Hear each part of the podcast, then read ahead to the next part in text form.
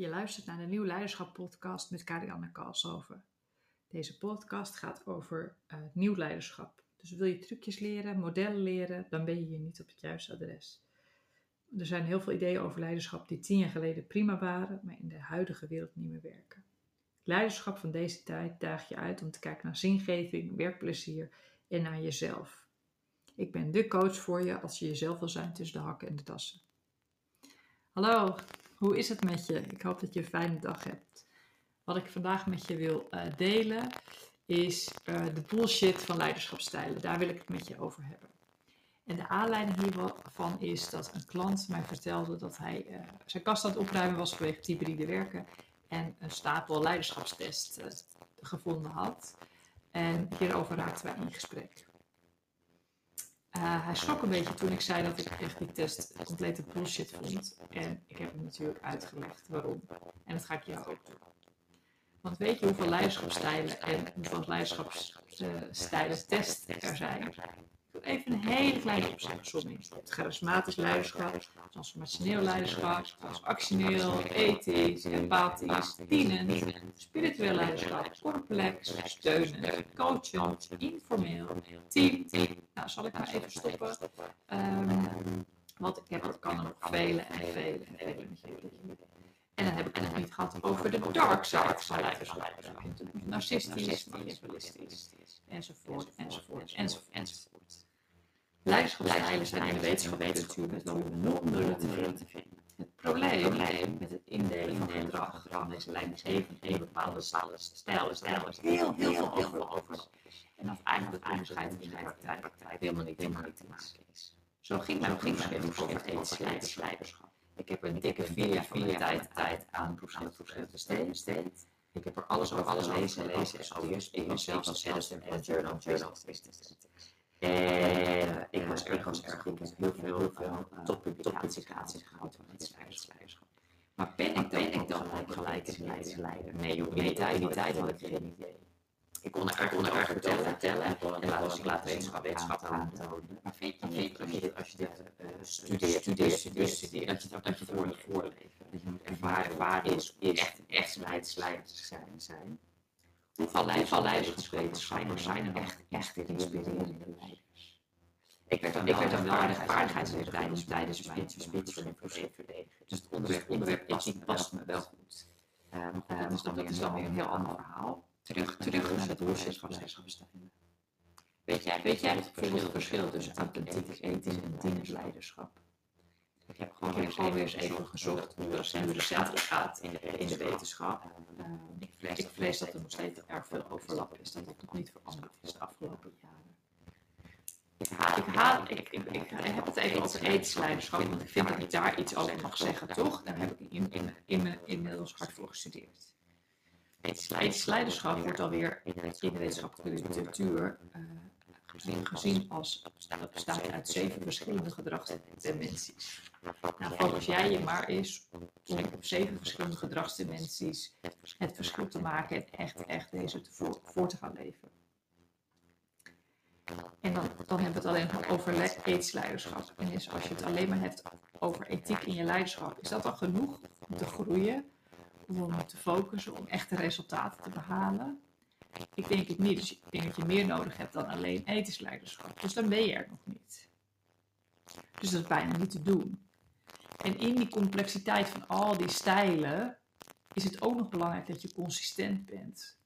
Want wat we misschien nog wel het allermoeilijkste vinden, is inconsistente leiders. Dus we hebben nog liever zeg maar, de bullying leider die uh, nasty is. Daar kunnen we ons nog soort van op voorbereiden of uh, uh, hoe zeg je dat? Um, uh, kunnen we nog ja, daar kunnen we zeg maar rekening mee houden dat iemand altijd zo reageert. Als iemand soms aardig is en soms onaardig is, of soms ethisch en soms onethisch, dat vinden we het allermoeilijkste. Gaan we in onze overleven uh, mode zitten, want dat vinden we onveilig. Ik heb dan liever dat je je focust op uh, leven en werken volgens een aantal principes. Weet jij ook wat jouw principes zijn in het leven? Ik zou je willen uitdagen om te onderzoeken wat jouw principes zijn waarop jij je leven baseert. Dus dat, dat zijn dan vragen: wat is de reden voor jouw bestaan? Wat, waar wil je naartoe? Dat zijn hele fundamentele vragen. Die iets zeggen over wie je bent en waarop je je leiderschap kunt baseren. Het zijn helaas vragen die wat weinig beantwoord worden door de directies en managementteam. Dus in plaats van op zoek te gaan naar dit soort essentiële vragen en antwoorden erop, worden er vaak leiderschapstrainingen georganiseerd. En als ik dan mijn kritische vraag stel, wat heeft deze leiderschapstraining dan opgeleverd? Dan krijg ik toch wel heel vaak het antwoord als, ja, het was leuk, bewustwording, interessant, we hebben lol gehad. Ja, dat is natuurlijk allemaal hartstikke mooi, maar er is in wezen niks veranderd. Misschien niet heel aardig dat ik dit zeg, maar wel eerlijk. Ik heb nog een ander voorbeeld van een organisatie dat aan de slag ging met ethiek en leiderschap. Ze hadden een externe ingevlogen, er was veel tijd en energie ingestoken. En ook daar stelde ik deze vraag: wat heeft het opgeleverd? Ja, we hebben het thema wel op tafel gehad en iedereen vindt het wel belangrijk. Deze directeur haalde een keer diep adem. Hij zegt: Als ik echt heel eerlijk ben, dan is er niet zoveel veranderd. En staat het vooral heel mooi op onze website te pronken. Want echt veranderen, dat doet namelijk een beetje pijn. Dat is ongemakkelijk. En veranderen gaat niet vanuit leiderschapstijlen. Dat zijn weetjes, modellen en die voeden ons rationele en feitelijke brein. Is super interessant, maar uiteindelijk maak je daar niet het verschil mee.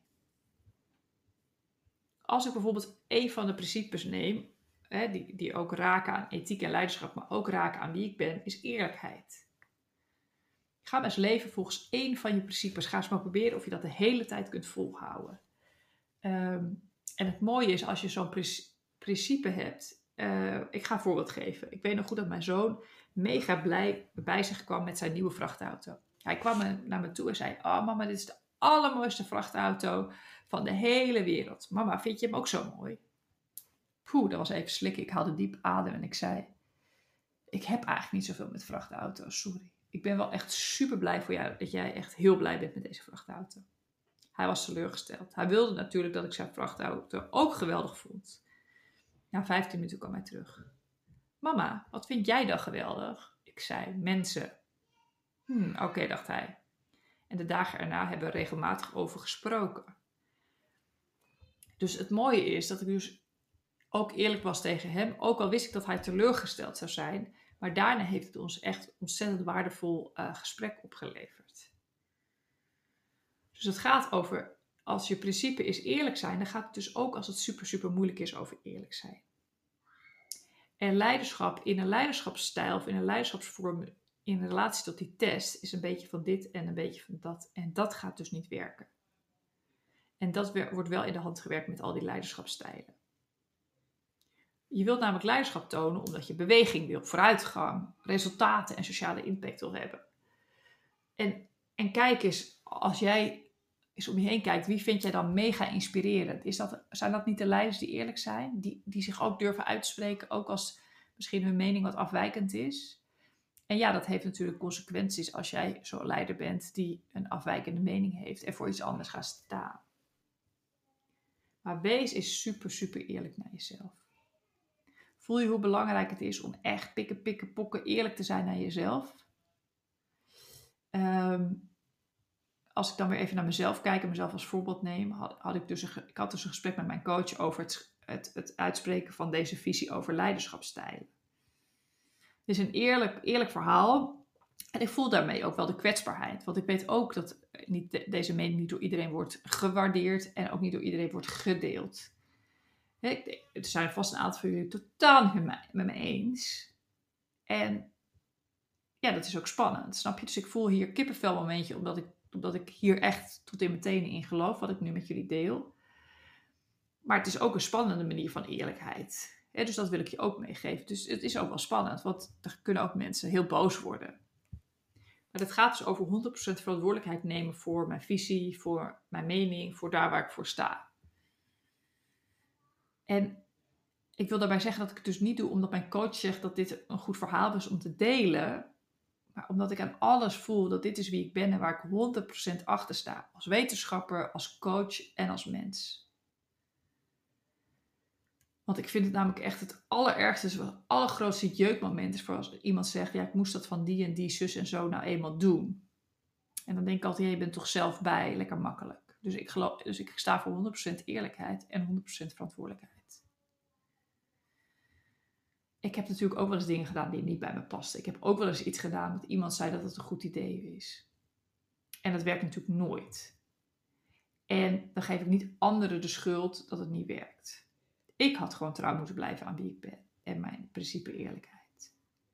Dikke vette leermoment en de volgende keer anders doen. Volgens mij is dat de belangrijkste leiderschapsles die je kunt pakken. Echte leiders weten wat mij betreft één ding. Leiderschap begint bij jezelf. Begin maar eens met je allerhardnekkigste patroon aan te pakken. Hier ook weer een klein alledaags voorbeeld van mezelf. Ik had bijvoorbeeld last van mijn linkerschouder en het werd maar niet beter. Ik ging naar de fysio en die ging met mijn schouder aan het werk en het ging iedere week meer pijn. Hij zei dat het erbij hoorde en dat het uiteindelijk wel minder werd. Maar volgens mij gebeurde het niet. Ik ben gestopt bij de fysio en overgestapt naar acupunctuur. Er zat blijkbaar iets klem in mijn been. Drie behandelingen later en het probleem en de pijn waren opgelost.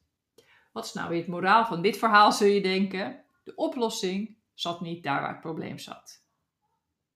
Dus welk probleem ervaar jij in je leiderschap? En is het daarmee automatisch een leiderschapsprobleem?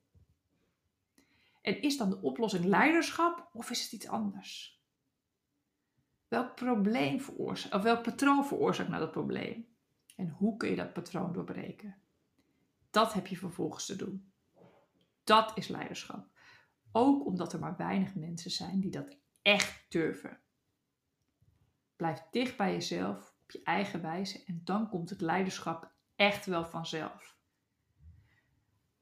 Dus les over principes, eerlijkheid, het doorbreken van patronen. En dat heb ik niet geleerd door vier jaar in de wetenschap artikelen te schrijven over leiderschap. Dit zijn levenslessen die zijn ontstaan door met je poten in de klei te zijn en trouw te zijn aan jezelf. Ik wil nog het allermooiste voorbeeld uh, uh, met je delen. Er was ooit een manager die had van HR de nieuwe leiderschapskills uh, gekregen en die moest dat met het team delen. Aan het einde van de presentatie grapte hij: Blij dat ik deze in mijn tijd niet had, want dan had ik het nooit zo ver geschopt. Hij was een van de allerbeste leiders die ik kende, zei deze vrouw. Hij kende zijn kwaliteiten, hij, wist, hij, was, hij had zijn beperkingen en was slim genoeg om zichzelf te verrijken met de mensen die goed waren op het vlak waar hij in gebreken bleef. Dit was echt ware leiderschap en dat had niks met leiderschapskills te maken. Ik hoop dat mijn verhaal jouw stapje verder brengt in jouw leiderschap. Laat me dat vooral weten. En als je dit een inspirerend verhaal vond, als je hier uh, uh, mijn visie op leiderschap deelt, dan, dan zou je een volgende stap kunnen zetten. En dat is naar mijn website gaan, www.kariannekalshoven.nl. En daar kun je mijn e-book downloaden over inspirerend leiderschap, waarin ik je verder help om te kijken naar principes, naar jouw leiderschap op jouw manier. En dat is, heeft niks te maken met de leiderschapstijlen.